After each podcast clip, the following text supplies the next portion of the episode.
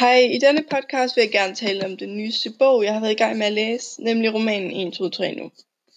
Bogen den er skrevet af forfatteren Jesper Wung Sung i 2001, og den er faktisk blevet så populær, at der er kommet en spillefilm af bogen med samme titel. 1, 2, 3 nu, den handler om drengen Jeppe. Jeppe han er 17 år gammel og går i første U. Indtil videre alt gået efter planen. Jeppe han har to gode venner, Jack og Smille, og så er hans basketballkarriere ved at nå toppen. I starten på hans første år her på gymnasiet skulle han på en introtur. På introturen falder han pladask for en pige, der hedder Cecilie, som står på en stor scene og synger. Det var kærlighed ved første blik.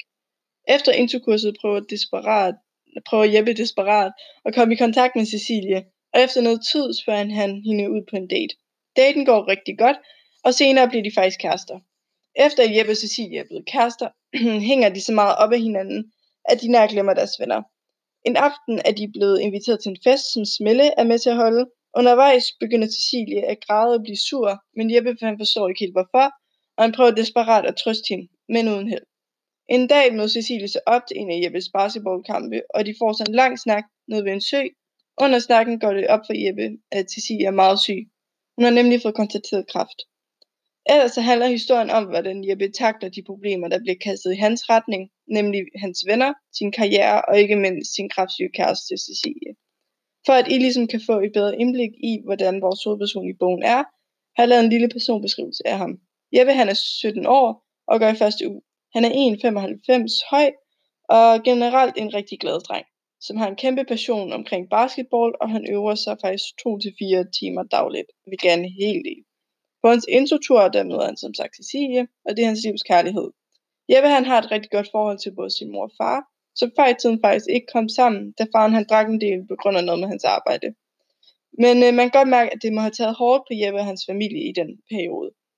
Længere hen i bogen kan man også virkelig mærke Jeppes kærlighed til Cecilie, og sådan er det faktisk i hele bogen. I slutningen, da Cecilie desværre ender med at dø, er det lidt som om hele Jeppes verden styrter sammen. Ingenting er det samme, og basketball er heller ikke lige så interessant som før. Men heldigvis ender det med, at ham og hans bedste ven Jack, de tager på en ferie sammen, og på den måde redder de faktisk lidt hinanden.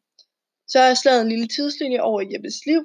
Jeg har sagt, den starter ved introturen, hvor at han ser Cecilie for første gang. Så spiller han en del basketball. Så spørger han Cecilie ud på en date. De kysser, og de bliver kærester. De laver en masse ting sammen. Cecilie siger, hun aldrig mere vil se ham. Basketball bliver ikke øh, til det samme mere. Cecilie møder op til en af hans basketballkampe. Jeppe får at vide, at Cecilie har kraft. De tager til øh, København sammen. De tager på deres første fælles ferie til Gran Canaria. Og der bliver de også gift. Cecilie falder om, og hun dør til sidst. Jeppe han bliver vildt knust, og det hele øh, bogen ender med, at Jeppe og Jack tager på en ferie sammen til Italien. Øhm, hvis vi så lige, øh, jeg vil også gerne fortælle lidt om de andre personer, øh, som har en kæmpe betydning for Jeppe. Den første og mest åbenlyse er Cecilie. Cecilie er generelt en rigtig glad person med gode venner og en god kæreste, og så har hun desværre også fået konstateret kræft. Især i slutningen af bogen føler hun, at hver dag kunne være hendes sidste, og derfor ser man hende tage nogle ekstra chancer eller gøre noget ud over det sædvanlige. Så er der Jack. Øh, Jack er Jeppes øh, bedste ven, og det har de været i rigtig mange år. Øh, og Jack var der, var der også, da Cecilie døde, og var en kæmpe hjælp øh, for Jeppe. Når man, ja, og Jack han har altid haft en form for plan for hele hans liv. Altså han skulle have en bil på det og det tidspunkt, og hans job skulle være det her. Men jo længere han, han kom, jo mere begyndte den her plan lidt ligesom at smuldre. Jack han blev mere fraværende, og begyndte til sidst at drikke og få de forkerte venner. Så er der Smelle. Smelle han betyder ikke lige så meget for Jeppe, som for eksempel Cecilia og Jack gør. Men han er stadig en stor del af bogen, og er stadig en rigtig god øh, ven til Jeppe.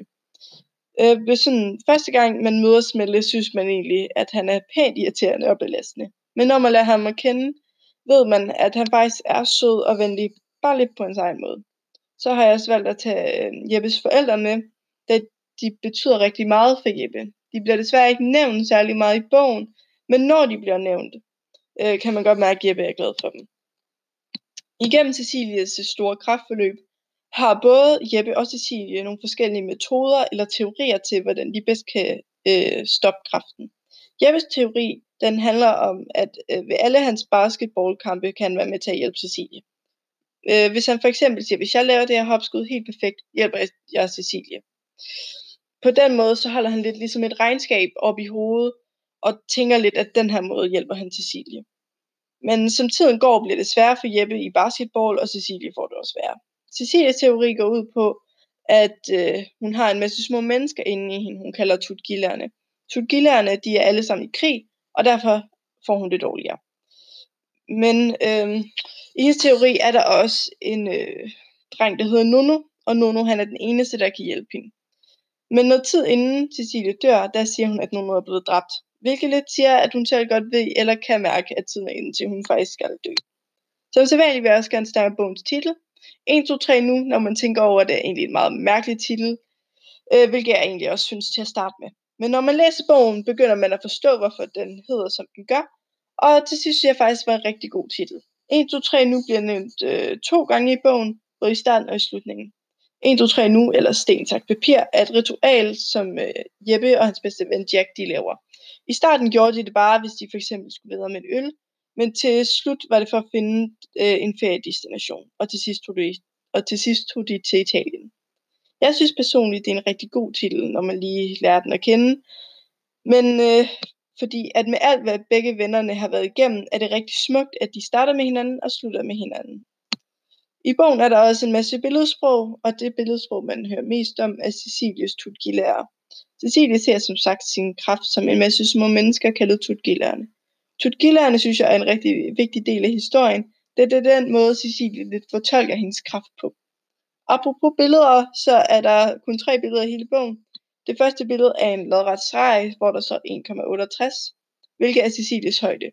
I den del af bogen møder øh, Jeppe og Cecilie hinanden, og de tager på deres første date. Cecilie fortæller os, at hun har kraft i den her date. Det næste billede viser 0,22, hvilket viser, at Cecilie faktisk bliver dårligere. I den her del af bogen tager de på deres første ferie sammen til Gran Canaria, og de bliver også gift.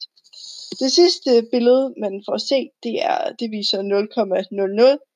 Billedet det vises lige efter, at Cecilia er død, hvilket symboliserer, at nogen faktisk helt væk.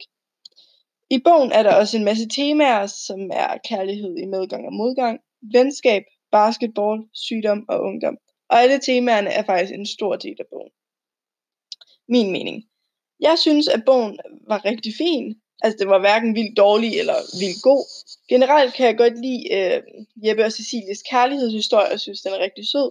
Men der, hvor jeg sådan lidt står af, det er hver gang, der kommer noget med basketball, hvilket også er en rigtig stor del af bogen. Øh, det er lidt som om, at hver gang han er til en kamp, så kommer der så mange øh, svære basketudtryk, som lidt kræver, at man enten går vildt meget op i basket, eller spiller det selv. Og derfor kan den godt være lidt svært at forstå. Øhm, så derfor så synes jeg, at bogen, altså man kan godt læse den, og derfor vil jeg også gerne anbefale den, men man skal bare lige være lidt ops på, at der kommer meget med basketball, hvor man lige skal holde tungen lige i munden. Men ja, det var faktisk det for øh, denne podcast, så vi ses.